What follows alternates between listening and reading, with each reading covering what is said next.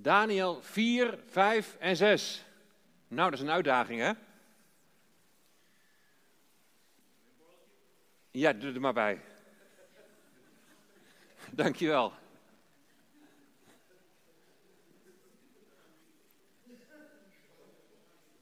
Een beetje spraakwater, hè? Hoofdstuk 4, 5 en 6. Nou, ik heb daar inmiddels over gepreekt. En de bedoeling van de onderwijsavonden is om nog meer naar de, naar de indeling te kijken, naar de structuur te kijken, de achtergronden en de onderbouwing van sommige dingen die ik ook in de preek niet heb genoemd.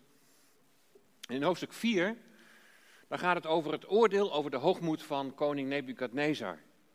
En het thema van de preek was dan ook hoogmoed komt voor de val. En je ziet hem daar eh, links bovenaan. Koning Nebukadnezar die bekeert zich echter en hij staat weer op uit zijn val en hij wordt weer hersteld in zijn koningschap. Met Belshazzar loopt het anders af. In eh, Daniel hoofdstuk 5 viert Belshazzar feest terwijl de vijand voor de poort staat en het schrift op de, op de wand maakt duidelijk dat hij te licht wordt bevonden. En hij moet het met zijn leven bekopen. In de preek hebben we zijn leiderschap vergeleken met principes van, van Bijbels leiderschap. In Daniel 6, nou dat staat natuurlijk nog helemaal vers in het geheugen.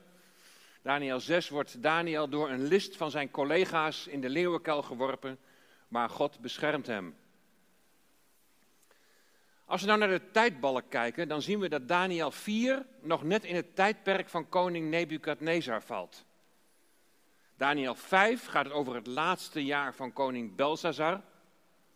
Dat is 539 voor Christus. Dat is het eerste jaar van koning Belshazzar, sorry. Dat is 539 voor Christus.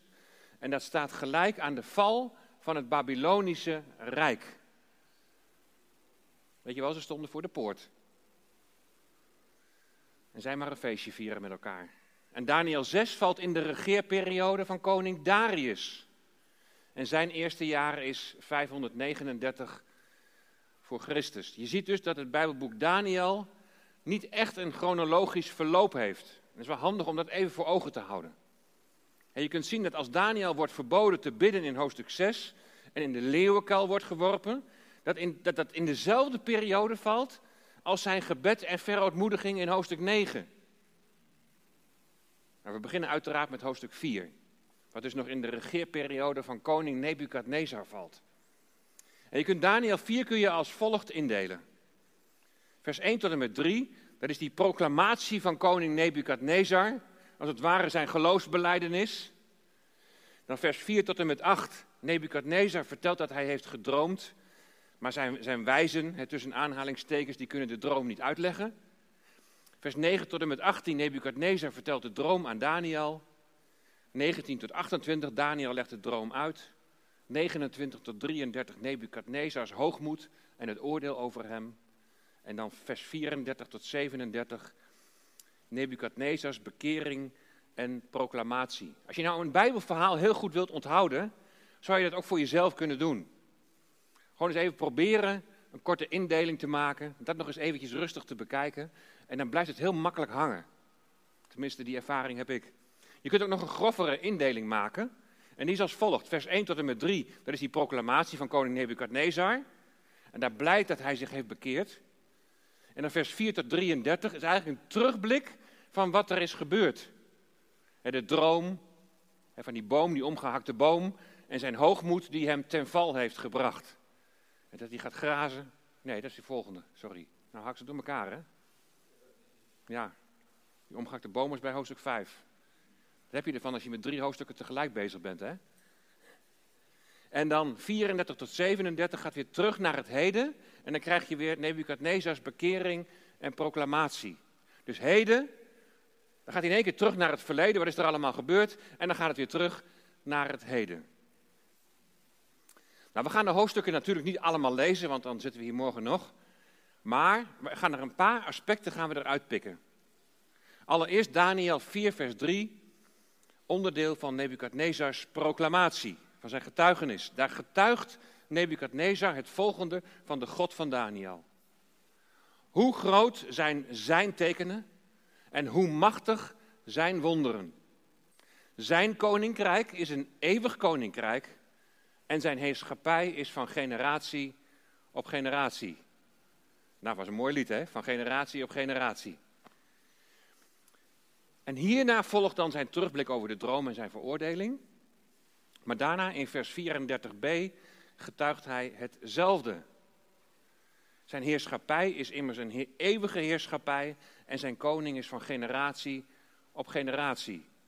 En jullie corrigeren me helemaal niet, maar het, het klopte net wel wat ik zei over Nebukadnezar. En dat hij moest grazen als een koe. Toch? Ja, gelukkig haalde ik het niet door elkaar. Nou, als je het algemeen hebt over Gods koninkrijk, dan is dat een geestelijk, niet zichtbaar koninkrijk. Door geloof in de Heer Jezus Christus zijn wij overgezet in dat koninkrijk. Zoals je kunt lezen in bijvoorbeeld Colossense 1, vers 13.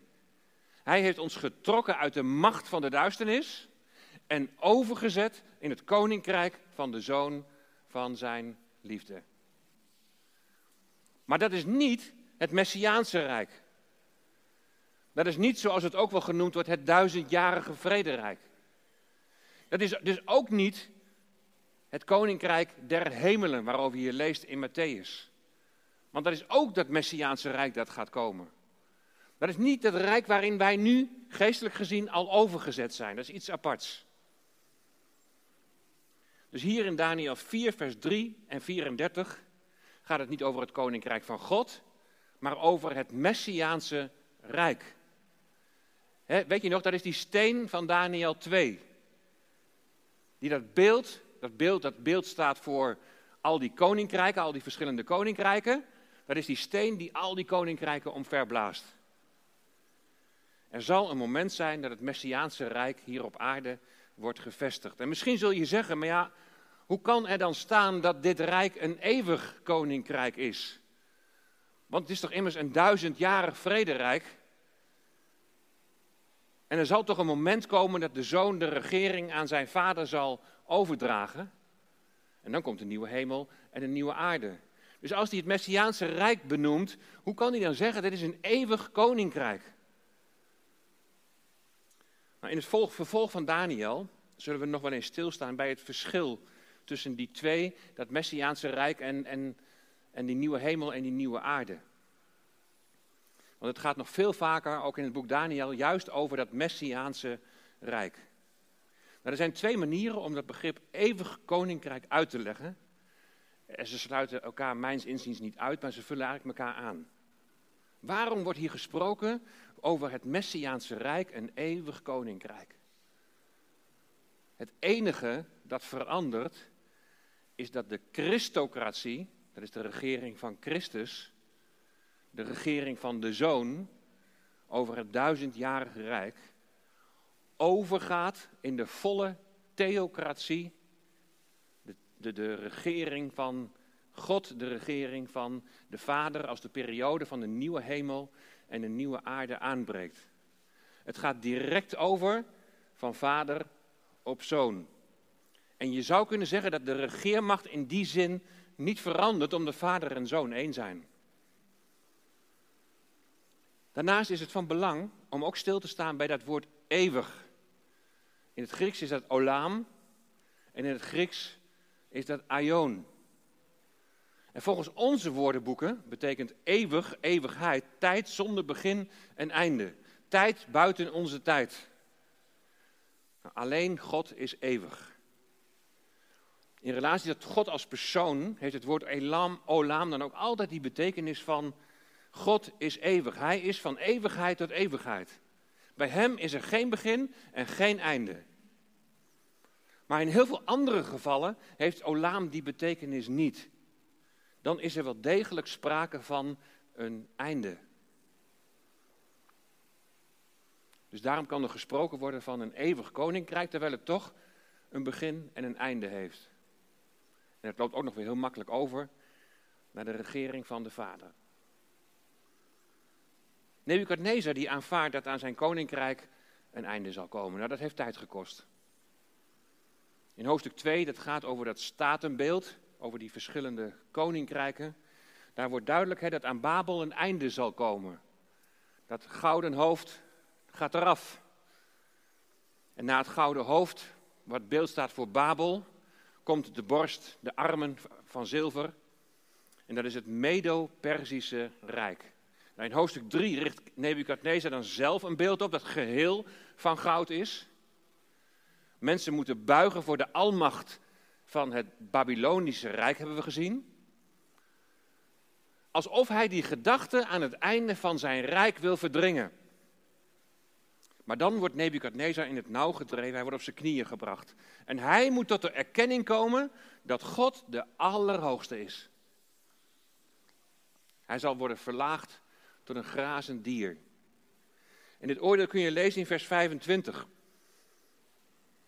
Men zal u namelijk uit de mensenwereld verstoten en u zult uw verblijf hebben bij de dieren van het veld. Men zal u gras te eten geven, zoals aan de runderen, en u zult bevochtigd worden door de dauw van de hemel. Zeven, zeven tijden zullen over u voorbij gaan. Totdat u erkent dat de Allerhoogste Heerser is over het koningschap van de mensen en dat geeft aan wie hij wil. Het is niet helemaal duidelijk wat er nou met die zeven tijden wordt bedoeld.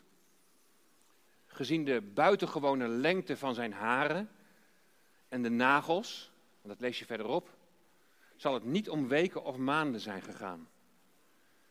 Koning Nebukadnezar ontving de droom hoogstwaarschijnlijk kort voor de Egyptische veldtocht in 569 of 568 voor Christus.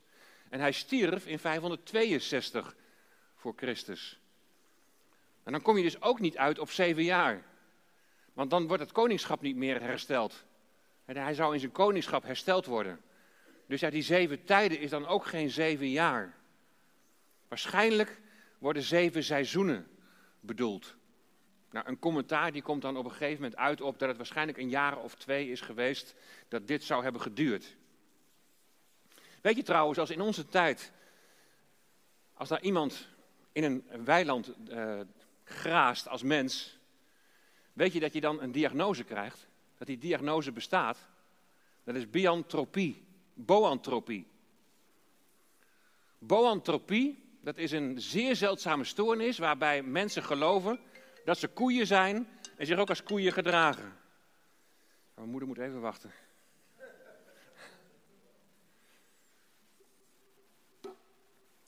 Soms zijn mensen met boantropie zelf te vinden in weilanden met koeien. En lopen ze op handen en voeten of kauwen ze op het gras alsof ze een echt lid van de kudde zijn.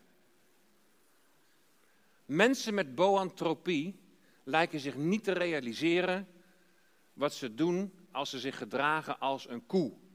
Waardoor onderzoekers denken dat deze vreemde stoornis wordt veroorzaakt door een droomtoestand, door een psychose of zelfs door hypnose.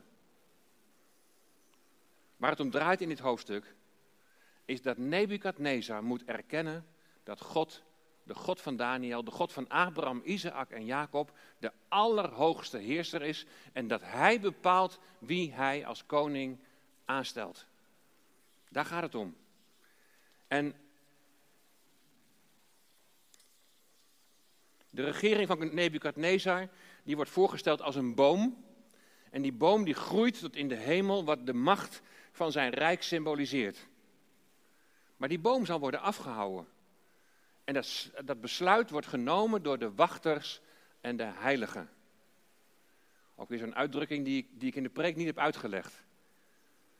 Dit bevel rust op het besluit van de wachters en dit verzoek op het woord van de heiligen. Het afhouden van de boom is een beslissing die dus op een zeer hoog niveau is genomen, namelijk door de Raad der Heiligen. Dat betreffen wellicht aartsengelen. En we kennen de twee bij naam, Gabriel, Michael, de Joden kennen de zeven. Michael komen we in het vervolg van het boek ook nog weer tegen in Daniel. Maar in Psalm 89, vers 8, daar staat dat God zeer ontzagwekkend is in de raad der heiligen. Dat duidt op een raad van hemelwezens. Het is dus kennelijk zo dat er een hoge raad van hemelwezens is, die de almachtige God bijstaat in de uitvoering van zijn taken. Denk maar aan het boek Job bijvoorbeeld. Hè? Daar is op een gegeven moment ook een vergadering in de hemel, waar trouwens zelfs de duivel, de gevallen engel, bij mag komen. Heiligen staat dus voor engelen. als het woord heilige nou in de Bijbel staat, dan moet je heel goed weten van in welke context staat het, van waar gaat het nu over? Want heiligen kunnen engelen zijn, maar het volk Israël worden ook heiligen genoemd. En wij als gelovigen worden ook heiligen genoemd. Dus uit de context moet je steeds weer opmaken van om welke heilige gaat het nu eigenlijk. Maar hier is het heel duidelijk. Het gaat over de engelen. Maar het om gaat in Daniel 4 is de hoogmoed van koning Nebukadnezar. En de hoogmoed komt heel duidelijk naar voren in vers 30. De koning nam het woord en zei: Is dit niet het grote Babel dat ik als een huis voor het koninkrijk gebouwd heb? Dat ik bouwde als een koninklijke residentie, staat er eigenlijk. Door mijn sterke macht en ter ere van mijn majesteit. Nou, je ziet de letters daar al in het geel gekleurd om die te benadrukken. Ik heb gebouwd. Mijn sterke macht. Tot mijn eer. Gebruik het woord van God om te leren wat Hij in de geschiedenis heeft gedaan, maar gebruik het ook als een spiegel. Zijn er bij ons ook niet momenten dat we worden gekweld door trots, waarbij alle aandacht naar ons als persoon uitgaat? Kijk eens wat ik heb gedaan. Kijk eens naar het resultaat dat ik heb geboekt. Mensen die onder de indruk zijn van jou. Er hoeft op zich niks mis te zijn met trots. Maar het is alleen de vraag wie de eer krijgt. En je erkent dat God de Allerhoogste is. En je leeft in afhankelijkheid van Hem. Je vraagt Hem in alles om hulp. En als dan het resultaat, het resultaat tussen aanhalingstekens, geboekt wordt, naar wie gaat dan de eer uit? Koning Nebukadnezar wees naar zichzelf. Ik heb gebouwd, mijn sterke macht, tot mijn eer. Volgens de Talmud bekeerde koning Nebukadnezar zich uiteindelijk tot het Jodendom en werd proseliet.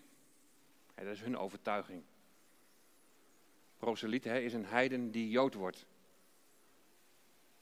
In Ezekiel 31, vers 3 tot en met 15, daar lees je dezelfde profetie over die boom.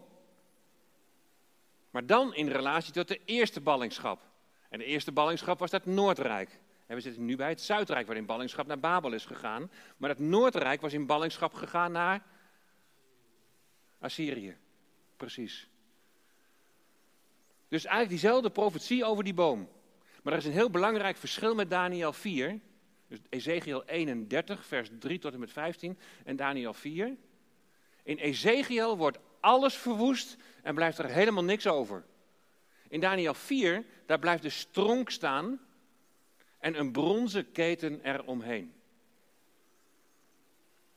Die boeien die dienden om te voorkomen dat de boom weer zou uitspruiten voordat de Almachtige daar de opdracht voor gaf.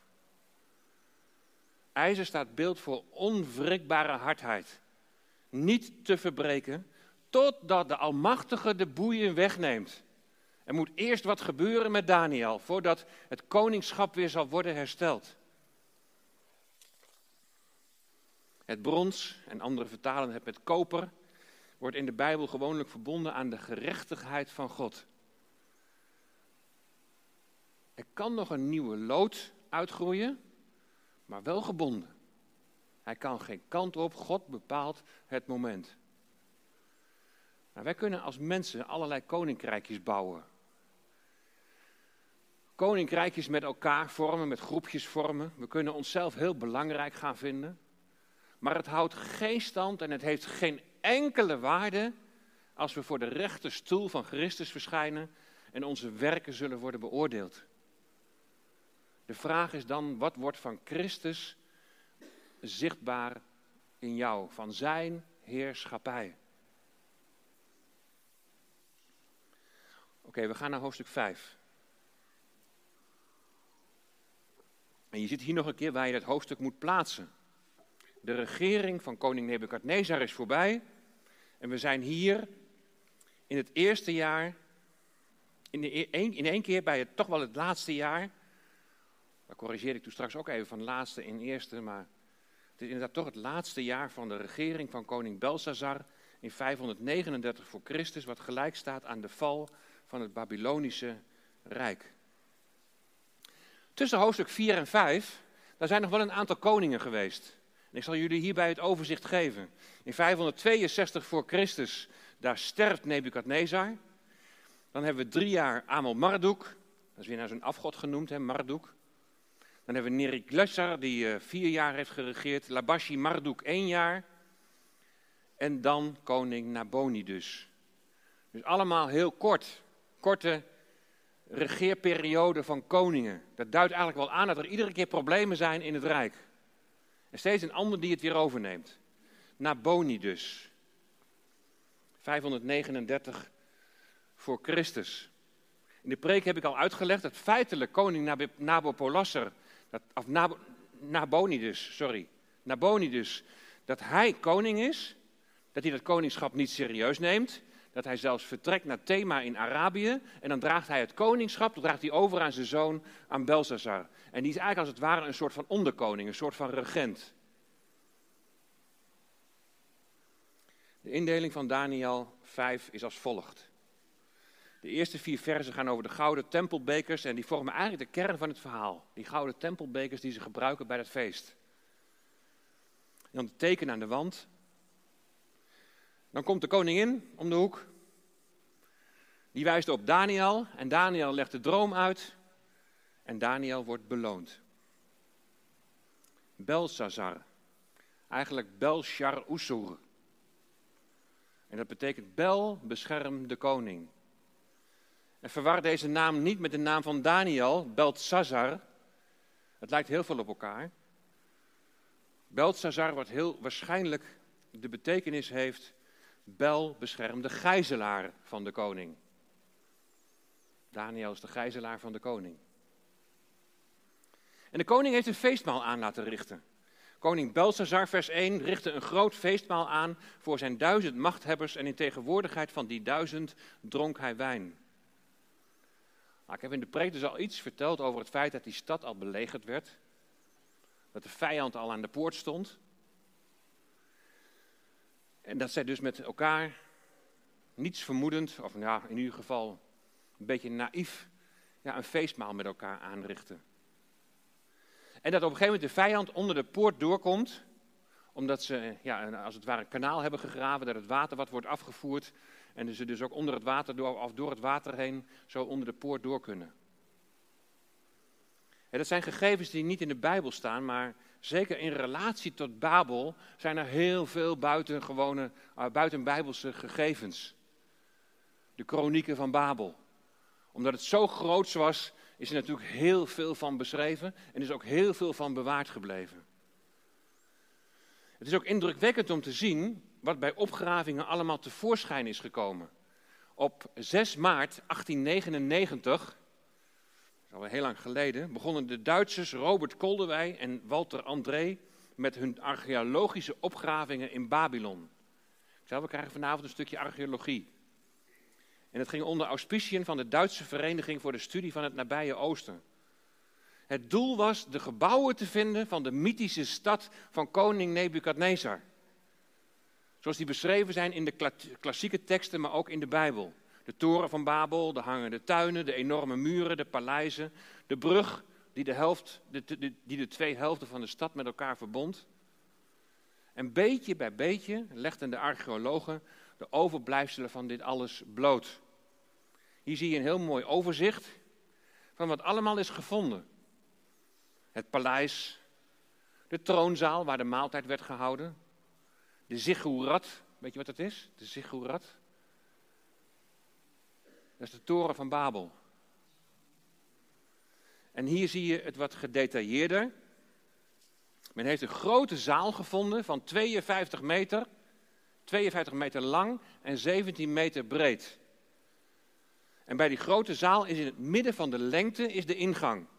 En daartegenover is dan een nis en in die half cilindervormige uitholling, daar zat waarschijnlijk de koning apart te eten. Wat ze alleen niet hadden verwacht, was een constructie die in geen enkele oude bron werd vermeld. En dat is de zogenaamde monumentale poort van Ishtar. Ook weer een van die afgoden. De belangrijkste toegang tot Babylon van de zesde eeuw voor Christus. En daar hebben we het dus over met elkaar. En de opgravingen die gingen bijna ononderbroken door, dus van 1899 tot 1917. En een reconstructie van die, die Ishtarpoort, die vind je in het Pergamon Museum in Berlijn. En de afbeelding die je daarop ziet staan, die, dat is de draak Ceres, of Mushusu, symbool van de Babylonische god Marduk. En hier zie je de stand van de opgravingen in 1932. Echt indrukwekkend van wat ze dus allemaal hebben teruggevonden. En tot slot nog wat de archeologie betreft een soort van maquette van hoe het eruit moet hebben gezien. En die eerste poort die is dus in Berlijn is die gereconstrueerd. Maar is het prachtig hè, dat er zoveel beschreven staat en dat archeologen zoveel hebben teruggevonden, waarmee ook het Bijbelse verhaal van onder andere de torenbouw, maar ook van Daniel 5, dat het gewoon wordt bevestigd. Nou, misschien ook mooi om op die manier er eens een keer naar te kijken. Ook gewoon de archeologie, en dat, ja, dat vindt natuurlijk in Israël ook heel veel plaats. Als je daar naartoe gaat, je mag nog mee. Als je daar naartoe gaat, vind je zoveel archeologische vondsten die zo indrukwekkend zijn en ook heel vaak de Bijbel gewoon bevestigen. Denk maar aan de gangen van Hiskia bijvoorbeeld, waar je dan gewoon, gewoon doorheen loopt. Dat je weet, hé, hey, dit zijn de gangen van Hiskia en die komen uit bij het badwater. Siloam, precies ja. Jammer dat je dat wist, dan zou ik kunnen zeggen van, uh, ga even mee. Er werd dus een feestmaal aangericht en dan lezen we in vers 2, onder invloed van de wijn beval Belsazar dat men de gouden en zilveren voorwerpen moest halen die zijn vader Nebukadnezar had weggehaald uit de tempel in Jeruzalem, opdat de koning, zijn machthebbers, zijn vrouwen en bijvrouwen eruit zouden drinken. Hier staat dat Nebukadnezar de vader is van Belsazar. Maar klopt dat wel? We hebben gezien dat er nog een aantal koningen tussen zaten. En zou dan jaren later Belsazar een zoon zijn van Nebukadnezar? Nee, hij was een zoon van Nabopolassar. Of nee, Nabonidus. Ik haal die twee altijd door elkaar. Nabonidus. En Nabonidus is waarschijnlijk de schoonzoon van Nebukadnezar. Dus Nabonidus is dan getrouwd met de dochter van Nebukadnezar. Ik heb het eventjes daar geprojecteerd, want dan kun je het misschien een beetje volgen. Of weet je met die stambomen niet meer. En het was, in die tijd was het de gewoonte dat iemand die de macht greep, dat hij zijn positie probeerde te legitimeren door met een vrouw van koninklijke bloeden te trouwen. Dus vandaar dat Nabonidus trouwt met de dochter van Nebukadnezar. Belzazar is dus niet de zoon, maar is de kleinzoon van Nebukadnezar. Het Aramese woord dat hier staat, want dit, dit gedeelte is nog steeds in het Aramees geschreven. Daniel was deels in het Hebreeuws, deels in het Aramees geschreven. En het Aramese woord dat hier voor vader wordt gebruikt, kun je ook vertalen als vader, grootvader, maar zelfs ook wel voorvader. Weet je, soms dan in, in zo'n vertaling dan proberen mensen die kritisch op de Bijbel zijn, die zeggen, zie je nou wel, heb je weer wat, klopt weer niet. Ja, zoals het voor ons vertaald is, klopt het inderdaad niet. Maar is er een andere betekenis voor? Vers 3 en 4. En toen haalde men de gouden voorwerpen die men uit de tempel, het huis van God in Jeruzalem had gehaald. En de koning, zijn machthebbers, zijn vrouwen en bijvrouwen dronken eruit. En ze dronken wijn en prezen hun goden van goud, zilver, koper, ijzer, hout en steen. Alleen al vanuit heidens standpunt was dat een daad van heiligheidsschennis. Heilige voorwerpen die aan goden zijn gewijd, mogen nooit op deze manier worden gebruikt. Het was volkomen respectloos. En het materiaal waarvan de afgoden waren gemaakt, wordt in de opstomming steeds goedkoper. Het gaat van goud naar zilver, naar koper, naar ijzer, naar hout en steen. En eigenlijk geeft dat heel goed die sfeer in, in, die, in die eetzaal weer. Het niveau ging steeds verder naar beneden. En we zeggen wel eens, stemming stijgt, niveau daalt. Ze misbruikten en ontheiligden de drinkbekers uit de tempel in Jeruzalem, terwijl ze de afgoden eerden met hun lofliederen. Ze dachten namelijk dat hun afgoden de God van Israël had overwonnen. En het is inmiddels donker geworden. Binnen verlichten de vlammen van de kandelaar verlichten de ruimte. En plotseling verschijnt er tegenover die kandelaar een hand. En ik had in de preek al beloofd dat we daar even dieper op in zouden gaan, op wat daar nou geschreven staat. Op hetzelfde ogenblik kwamen er vingers van een, van een mensenhand tevoorschijn, die op het pleisterwerk aan, van de wand van het koninklijk paleis schreven tegenover de kandelaar. En de koning zag het gedeelte van de hand die schreef. En toen veranderde de gelaatskleur van de koning. Zijn gedachten verschrikten hem, zijn heupgewrichten verslapten en zijn knieën knikten. De koning zag het einde of een deel van de hand. Waarschijnlijk schreef de hand boven de nis waar die koning zat. En de koning die moet dan zo'n beetje schuin omhoog hebben gekeken en hij schrok vreselijk. Angst greep hem aan. En de wijzen en de geleerden moeten weer komen opdraven. En de koning riep met kracht dat men de bezweerders, de Galdeeën en de toekomstvoorspellers moet laten binnentreden. En de koning nam het woord en zei tegen de wijzen van Babel: Iedereen die dit schrift kan lezen en mij de uitleg ervan te kennen kan geven, zal gekleed worden in purper met een gouden keten om zijn hals en hij zal als derde in het koninkrijk heersen. Een gouden helsketting, die zie je ook bij Jozef. Hij kreeg die van de farao als eerbewijs. In Genesis 41, vers 42. Toen nam de farao zijn ring van zijn hand, deed hem aan Jozefs hand. Hij liet hem kleren van fijn linnen aantrekken en hing een gouden keten om zijn hals. Een eerbewijs. Als beloning in purper gekleed worden. Purper, dat was in de oudheid was dat een koninklijke dracht. De Perzische koningen eerden de mensen door ze in purper kleren te steken. We zien het ook in Esther. Esther 8, vers 15. Mordechai ging bij de koning weg in een blauw-purperen en een wit koninklijk gewaad met een grote gouden kroon en een mantel van fijn linnen en rood purper. En de stad Suzan die juichte en was blij. Wie kreeg er nog meer een purperen mantel aan? Ja, de Heer Jezus, precies. Matthäus 27. Toen namen de soldaten van de stadhouder Jezus met zich mee in het gerechtsgebouw en verzamelden heel de legerafdeling om hem heen. En toen ze hem ontkleed hadden, deden ze hem een scharlaken rode mantel om. Vlochten een, koor, een kroon van dorens, zetten die op zijn hoofd en gaven hem een rietstok in zijn rechterhand. En ze vielen op, op hun knieën voor hem neer en bespotten hem met de woorden: Gegroet, koning van de Joden. Nou, hier was het niet echt een eerbewijs. Het was een bespotting.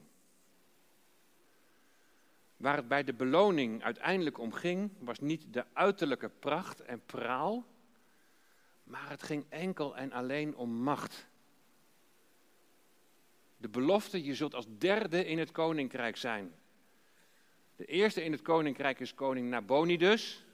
In één keer goed. De tweede was Belshazzar. En dan zou Daniel dus de derde zijn. En degene die het schrift kan uitleggen, die komt dan dus op de derde plaats. Als de wijzen van de koning het niet kunnen uitleggen, komt de koningin binnengetreden.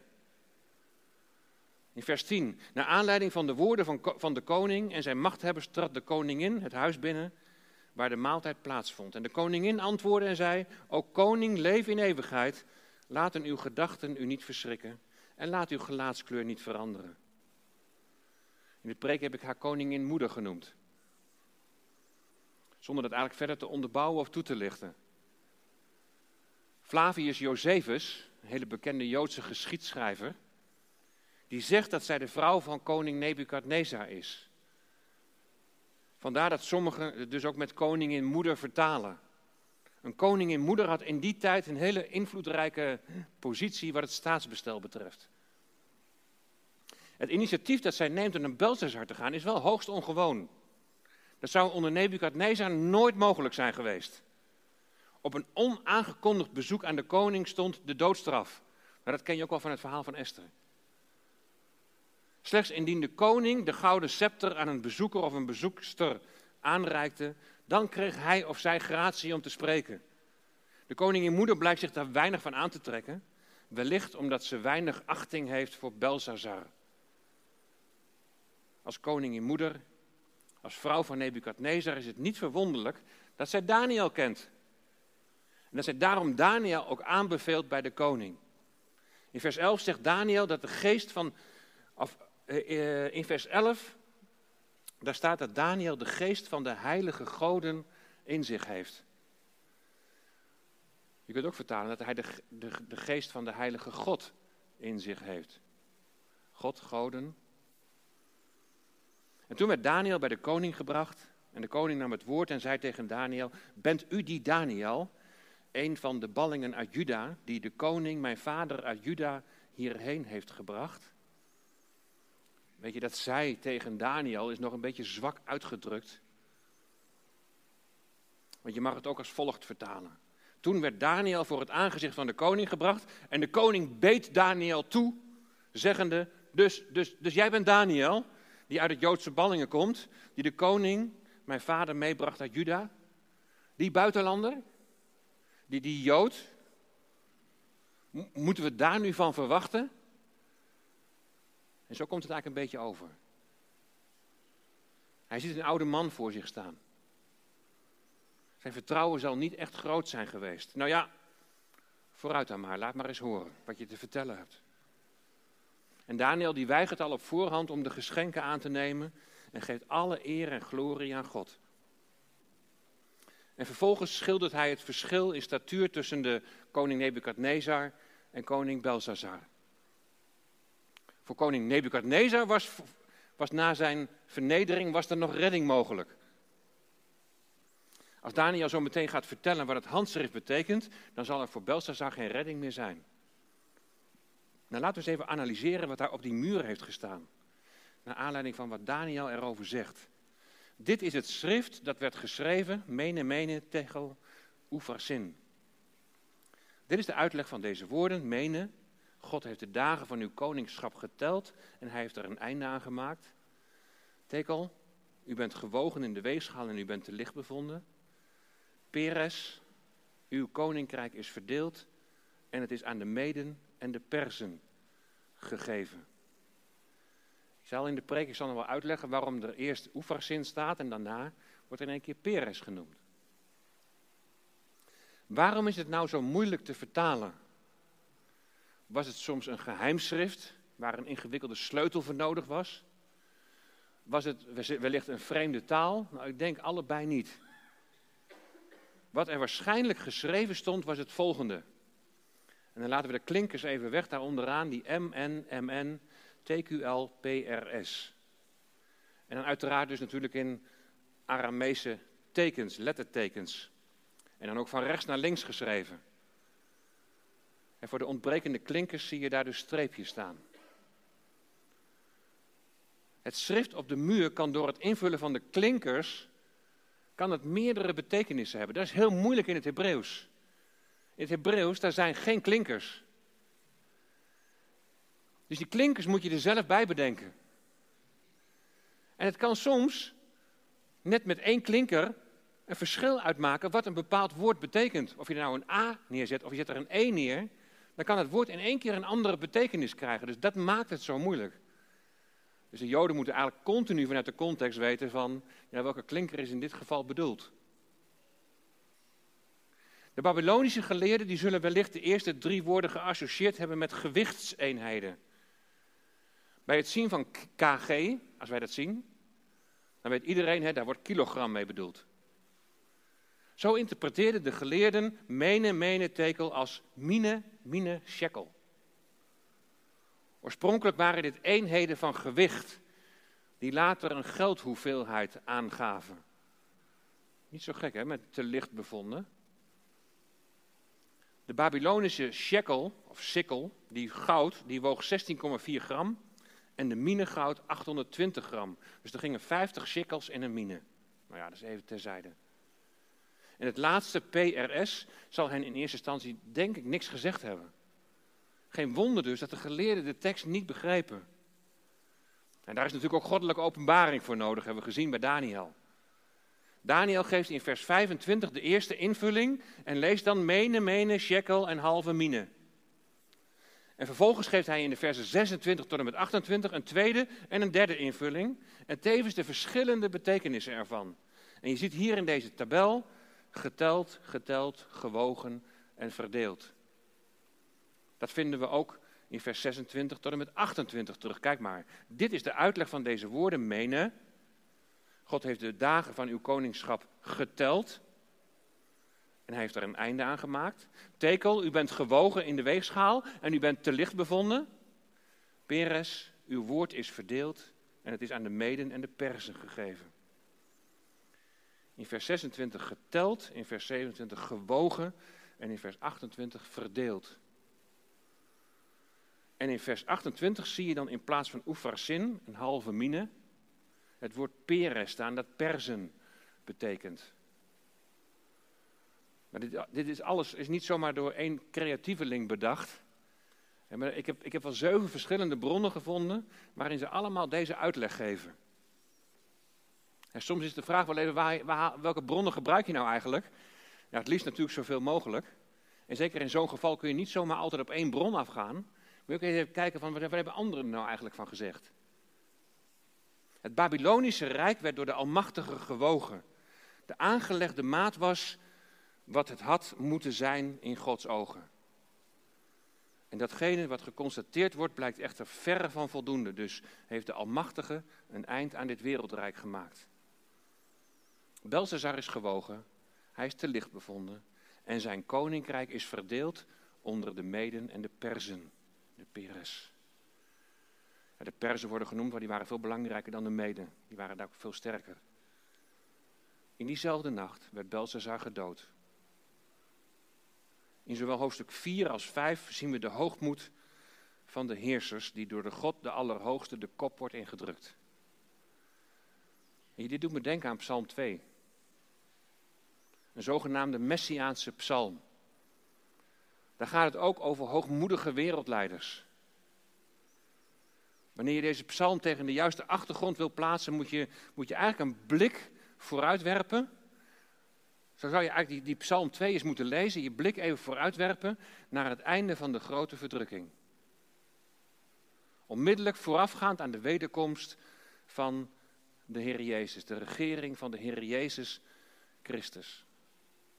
Een grote verdrukking van zeven jaar. Aan het einde daarvan de wederkomst van de Heer Jezus. Dan moet je die Psalm 2 gewoon eens even meenemen. In die tijd, aan het einde van die grote verdrukking. De aanvang van het Messiaanse Rijk, dat in het boek Daniel als toekomstverwachting zo centraal staat. Aan het einde van die grote verdrukking zullen machthebbers en volkeren zullen samenspannen. in een poging om Christus te verhinderen de regering over deze wereld over te nemen. En we lezen in Psalm 2, waarom woeden de heidevolken en bedenken de volken wat zonder inhoud is? De koningen van de aarde stellen zich op en de vorsten spannen samen tegen de Here en tegen zijn gezalfde. Laten we hun banden verscheuren en hun touwen van ons werpen. Die samenzwering heeft geen enkele zin. We hebben het in het verleden gezien, we zien het in het boek Daniel. En God maakt duidelijk wie hij aanstelt en wie hij afzet. En dan in de vervolgversen zie je zijn reactie. Die in de hemel woont zal lachen. De Heere zal hem bespotten. En dan zal hij tot hen spreken in zijn toren, in zijn brandende toren, hun schrik aanjagen. Ik heb mijn koning toch gezalfd over Sion, mijn heilige berg. Hun grootspraak en bedreigingen, die zijn als het gepiep van een muis tegenover een leeuw. God zal de stilte verbreken. Het oordeel zal komen over de volken. Hij zal spreken in zijn toren, in zijn brandende toren hebben we gelezen. Hij zal hun schrik aanjagen. En dan zullen ze het onherroepelijke besluit horen. aan het einde van die verdrukking. Bij de komst van de Heer Jezus. Ik heb mijn koning toch gezalfd over Sion, over Jeruzalem. Mijn heilige berg. Vervolgens zal Christus hier zelf zijn getuigenis aan toevoegen. In vers 7. Ik zal het besluit bekendmaken. De Heere heeft tegen mij gezegd: U bent mijn zoon, ik heb u heden verwekt. En dan voegt de Vader eraan toe: Eis van mij, en ik zal u de heidevolken als eigendom geven, de einden der aarde als uw bezit. U zult hen verpletteren met een ijzeren scepter. U zult hen in stukken slaan als aardewerk. Hier zie je dat de Vader de Zoon de heerschappij heeft beloofd. Herken je hier ook die steen? De steen des aanstoots. De steen van Daniel 2. De Bijbel is één boek. Het sluit allemaal perfect bij elkaar aan. Het komende Messiaanse Rijk zal alle koninkrijken vernietigen. En er volgt een dringend advies aan de koningen die de Messias en zijn vrederijk willen verhinderen. In Psalm 2, vers 10 tot en met 12. Nu dan, koningen, handel verstandig.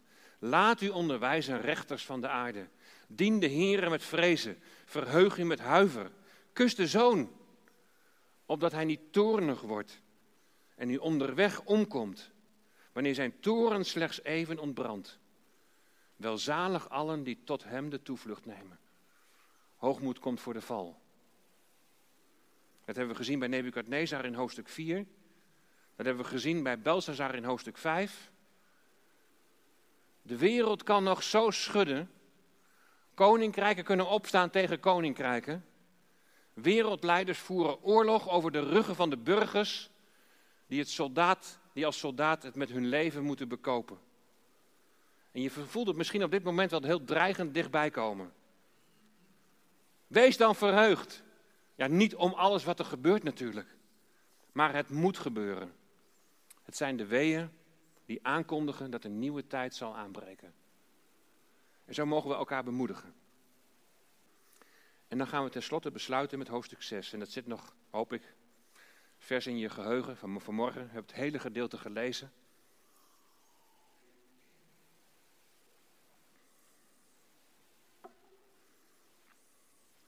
Weet je, de Bijbel is niet alleen een mooi, mooie, bijzondere geschiedschrijving. Het is ook een profetisch boek, hebben we nu al gezien, hè, wat de toekomst schildert. Maar daarnaast is het ook een literair boek van hoge kwaliteit. Echt heel bijzonder. En dat zal ik laten zien aan de hand van de indeling van hoofdstuk 6. Je kunt het namelijk indelen als een chiasme. Er bestaan ook allerlei andere literaire vormen, bijvoorbeeld een acrostigon. Dat zie je bij het Wilhelmus. Als je van alle 16 versen de eerste letters onder elkaar zet, dan staat daar Willem van ja, Nassau, maar eigenlijk Nassau staat er dan, maar dat betekent Willem van Nassau. In Psalm 119, daar zie je dat om de acht versen de pericoop begint met de steeds weer volgende letter van het alfabet. Als je een herziende statenvertaling hebt, je kijkt bij Psalm 119, zie je staan Alef, Beet, Gimel, Dalet, He, Waf, enzovoort enzovoort. Daniel 6 kun je dus indelen als een chiasme. En een chiasme is een herhaling met omkering. Een chiasme is een herhaling met omkering. Kijk maar mee.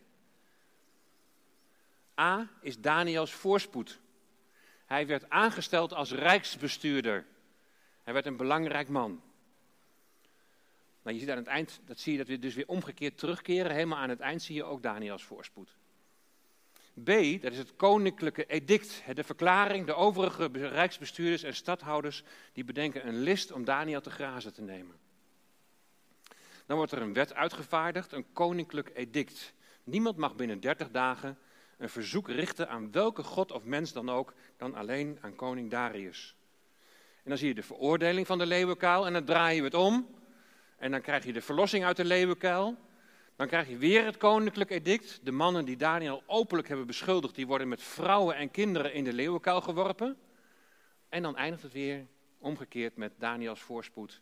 En het ging deze Daniel voorspoedig onder het koningschap van Kores de Pers, hebben we daar gelezen. En wat zo mooi is van een chiasme, dat is dat daar natuurlijk een midden in zit. En dat midden, dat geeft helemaal de kern aan waarom het nou precies gaat. Want daar staat namelijk, heb ik daar het vers bij gezet, ja 17b.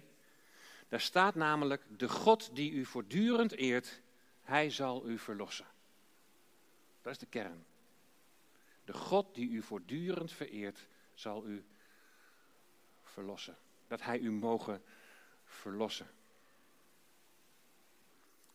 Ik weet dan wat ik tijdens mijn opleiding ook de. Dan krijg je de dichterlijke boeken.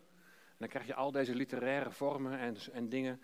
En, en dan moet je het zelf uit gaan zoeken van. van dan moet je het eigenlijk zelf gaan ontdekken. nou was aan mij echt niet besteed. Ik vond het verschrikkelijk moeilijk. Als ik het dan zo zie, dan denk ik, oh ja, natuurlijk. Maar om dat er zo zelf uit te halen. En het was het eerste vak wat ik moest doen. Maar ik was gelijk compleet ontmoedigd. Ik dacht van nou, ik stop er maar weer mee, want het wordt helemaal niks. Maar ik moest even doorbijten. En toen is het gelukkig toch wel gelukt. Maar het is dus, ja, op heel veel terreinen is de Bijbel gewoon een heel hoog literair boek. Op een hele bijzondere wijze geschreven. Geleid door de Heilige Geest. Over Darius de Mede kunnen we een stuk positiever zijn dan de voorgaande koning in het Babylonische Rijk. Zijn bestaan wordt echter in twijfel getrokken. Er zou geen koning bekend zijn die van die naam en de tijd van Darius. Er zou geen koning bekend zijn van die naam. En ten tijde van Darius regeerde koning Cyrus, ook wel Kores genoemd. Die regeerde op dat moment over het Medo-Persische Rijk. Maar hij heeft degelijk bestaan. Ik zei al, hij regeerde niet in plaats van Cyrus of Kores, maar hij was vrijwel zeker een onderkoning die het Babylonische gebied bestuurde. Het was een overgangsbewind, zei ik vanmorgen al even, na de val van Babylonië. Een militair overgangsbewind. Want Darius, het kan ook gewoon een, een uitdrukking zijn dat hij die naam gekregen heeft, want dat betekent de koninklijke. Waarschijnlijk was hij een generaal van het leger. En hij heeft een familieband met Cyrus, met Chorus. En volgens Flavius Josephus, die ons weer een heleboel informatie geeft, zouden het neven zijn. Koning Chorus, ook wel Cyrus genaamd, is de koning van de Meden en de Persen. En hij maakt de 62-jarige Darius de Meder onderkoning van Medië en ook onderkoning van Babel. Dat is het volgende plaatje.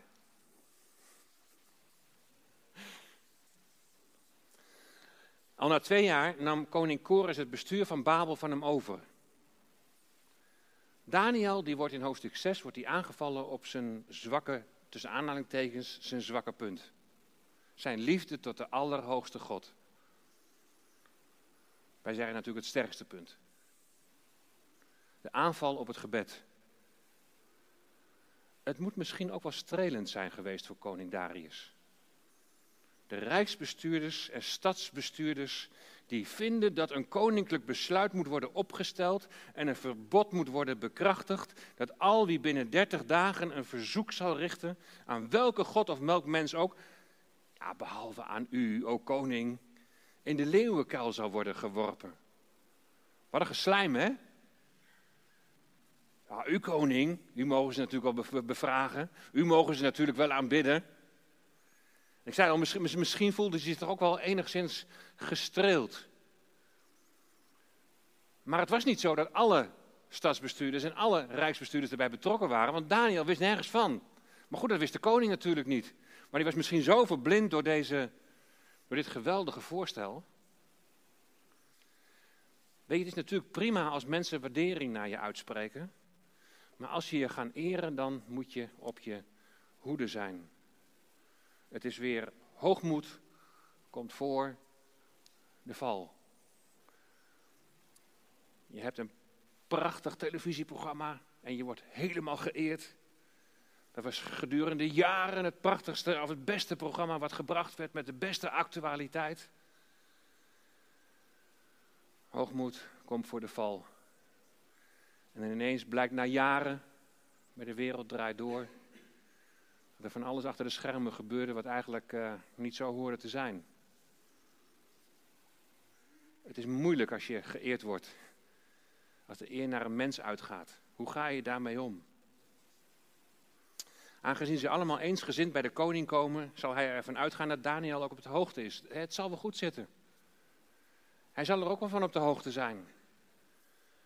En misschien ken je dat wel, dat je, dat je iets zomaar voor veronderstelt. Het zal wel goed zitten. Hij, hij zal het wel zo bedoelen. Dat is zo gevaarlijk om dingen te veronderstellen dat ze zo zijn. Check altijd of jouw vooronderstelling of die klopt. Want het kan zomaar ook in de communicatie kan dat hele vervelende gevolgen hebben. Ja, maar ik dacht. Nee, dat heb ik helemaal niet gezegd. Dat heb ik helemaal niet bedoeld. Die intenties heb ik helemaal niet. En zo krijgen ze Daniel te grazen. En hij bidt drie keer per dag knielend in de richting naar Jeruzalem. En ik zei al, een gewoonte die gedurende de ballingschap is ontstaan, want het staat niet in de Torah. In die ballingschap is er veel meer ontstaan. Ook in die periode tussen het Oude en het Nieuwe Testament. Om het Nieuwe Testament te kunnen begrijpen, moeten we eigenlijk veel meer weten van die tussenliggende periode. Want dat verklaart een heleboel. Wat bijvoorbeeld in, tijdens de ballingschap is ontstaan, is dus het gebed in plaats van de offers. Maar in de ballingschap zijn ook de synagogen ontstaan. En dat staat nergens beschreven, maar je leest in het Nieuwe Testament ineens over synagogen. Hoezo synagogen? Ja, ze hadden geen tempel meer, dus zijn in die, tussen, of in die periode van de ballingschap zijn de synagogen zijn daar ontstaan. Wij lezen in het Nieuwe Testament ineens over fariseeën. Waar komen die vandaan? Lezen we nergens over in het Oude Testament. Ja, die zijn in die periode tussen het Oude en het Nieuwe Testament, is die groepering ontstaan. Als ze kwamen terug uit de ballingschap en ze hadden een belofte van, van geestelijk herstel en van groei en dat kwam er niet. En toen kwam er een beweging die zei van ja, we, zijn ongerust. Maar stel je voor dat het weer opnieuw gaat gebeuren. Dat we weer in die ballingschap terechtkomen. Dat we weer gestraft zullen worden. Dus denk erom, mensen, we moeten heel nauwkeurig de wet gaan volgen. En nog veel nauwkeuriger dan de wet voorschrijft en zelfs. En daarom, daarom, waren die fariseeën zo. Dat is in die periode is dat ontstaan. En zij waren er ook van overtuigd van, als wij ons heel strikt aan deze dingen houden, en dat was allemaal goed bedoeld, dan zal de Messias eerder komen. Dus het is heel handig om een beetje wat meer te weten over de periode van de ballingschap. Wat is daar gebeurd eigenlijk? Meer dan dat alleen in de Bijbel beschreven staat, maar ook in die tussenliggende periode. En daar gaan we ook in het vervolg van het boek Daniel gaan we daar nog wel meer van zien. Ik heb jullie iets verteld over die rijk van de Ptolemeeën en de Seleuciden. Nou, dat, dat, komt straks ook allemaal nog aan de orde. Als we in de vervolghoofdstukken gaan kijken. Um, Drie keer per dag bidden. En dan met het gezicht naar Jeruzalem. Ik heb een keer een Messiaanse dienst in Amsterdam meegemaakt. Wij ondersteunen in die tijd vanuit Deventer een Messias beleidende Jood in Israël. En die was op dat moment in Nederland en we zijn met hem samen zijn we naar Amsterdam gegaan. Er werd een dienst in de rij gehouden, een Messias beleidende gemeente. Hij wilde graag naar die samenkomst toe. Hij kreeg daar ook nog het woord. Wat dacht je wat hij ging doen? Hij ging de broeders en zusters daar vermanen. Hij zegt, jullie horen je helemaal niet. Jullie moeten terug naar Israël. Het rare was, een paar jaar later is hij zelf weer vanuit Israël geëmigreerd naar Canada. Maar daar, bij, die samenkomst, daar ging het even om. Daar werd op een gegeven moment ook gebeden. En dan op een gegeven moment iedereen, ik, ik wist niet wat, wat, er gebeurde, ik denk, wat gaan ze maar doen? Met een kwartslag gedraaid. En dan in de richting van Jeruzalem. Maar ze gingen niet knielen. Daniel ging knielen. Als we nou het over het gebed van de Joden hebben, dan is het altijd het staande gebed. Ik heb in, ik heb in, een, in een commentaar gelezen dat dit te maken heeft met het feit dat het knielen voor de christenen op een gegeven moment een gewoonte werd. En toen dachten zij van ja, maar dan gaan wij niet meer knielen. Dan gaan wij staan. Weet je, de heidenen hebben zich op een gegeven moment afgezet tegen de Joden. Maar andersom gebeurde dat dus ook. In die tijd al. Ze knielden niet, of in die tijd niet, maar later. Ze knielden niet, maar bleven staan. In de vierde eeuw voor Christus, misschien al wel eerder, keerden de heidense gelovigen zich af van de Joodse bijbelse gewoonten en je ziet dit soort bewegingen dus ook andersom. Door al dat gefocus op uiterlijke dingen zou je bijna vergeten waar het om gaat in relatie tot gebed.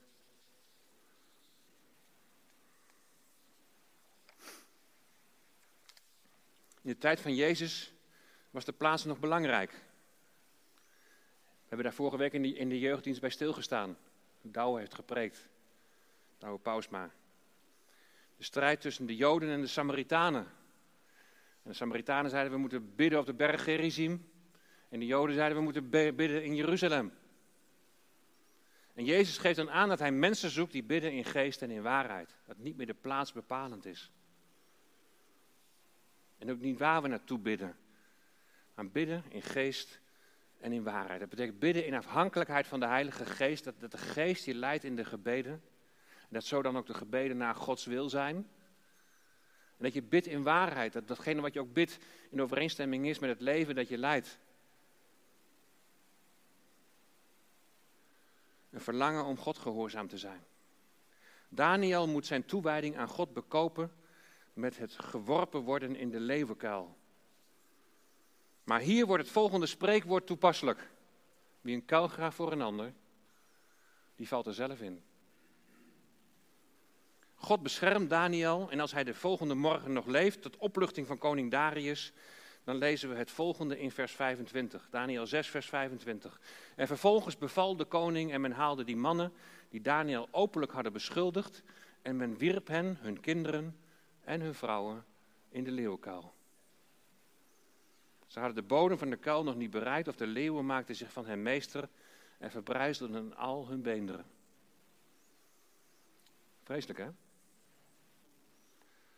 Als ik dit zo lees, dan denk ik direct, hè, waarom dan ook de vrouwen en de kinderen? Oké, dat de mannen die hem dat aangedaan hebben. Nou leven we ook niet echt meer in oog om oog, tand om tand, maar dan kun je er misschien nog heel iets bij voorstellen, maar dan ook de vrouwen en de kinderen. Maar je leest hier niet dat God zijn goedkeuring daaraan geeft. In sommige extreme gevallen geeft hij zelfs ook die toestemming. Maar dan, dan is er meegedaan aan een gruwelijke vorm van afgoderij. Precies, ja. Maar in die cultuur van toen, toen Darius regeerde in Babel, werden families meegesleurd in het oordeel, zodat de macht nooit meer kon worden overgedragen op die families. Zoals de koning Nebukadnezar in hoofdstuk 4 zijn geloof in de God van Israël proclameerde, zo, vaardigde Darius een, edict, Darius een edict uit, vers 26. En toen schreef koning Darius aan alle volken, naties en talen die op heel de aarde wonen, mogen uw vrede toenemen. Er wordt door mij bevel gegeven dat men in heel het machtsgebied van mijn koninkrijk zal beven en sidderen voor het aangezicht van de God van Daniel.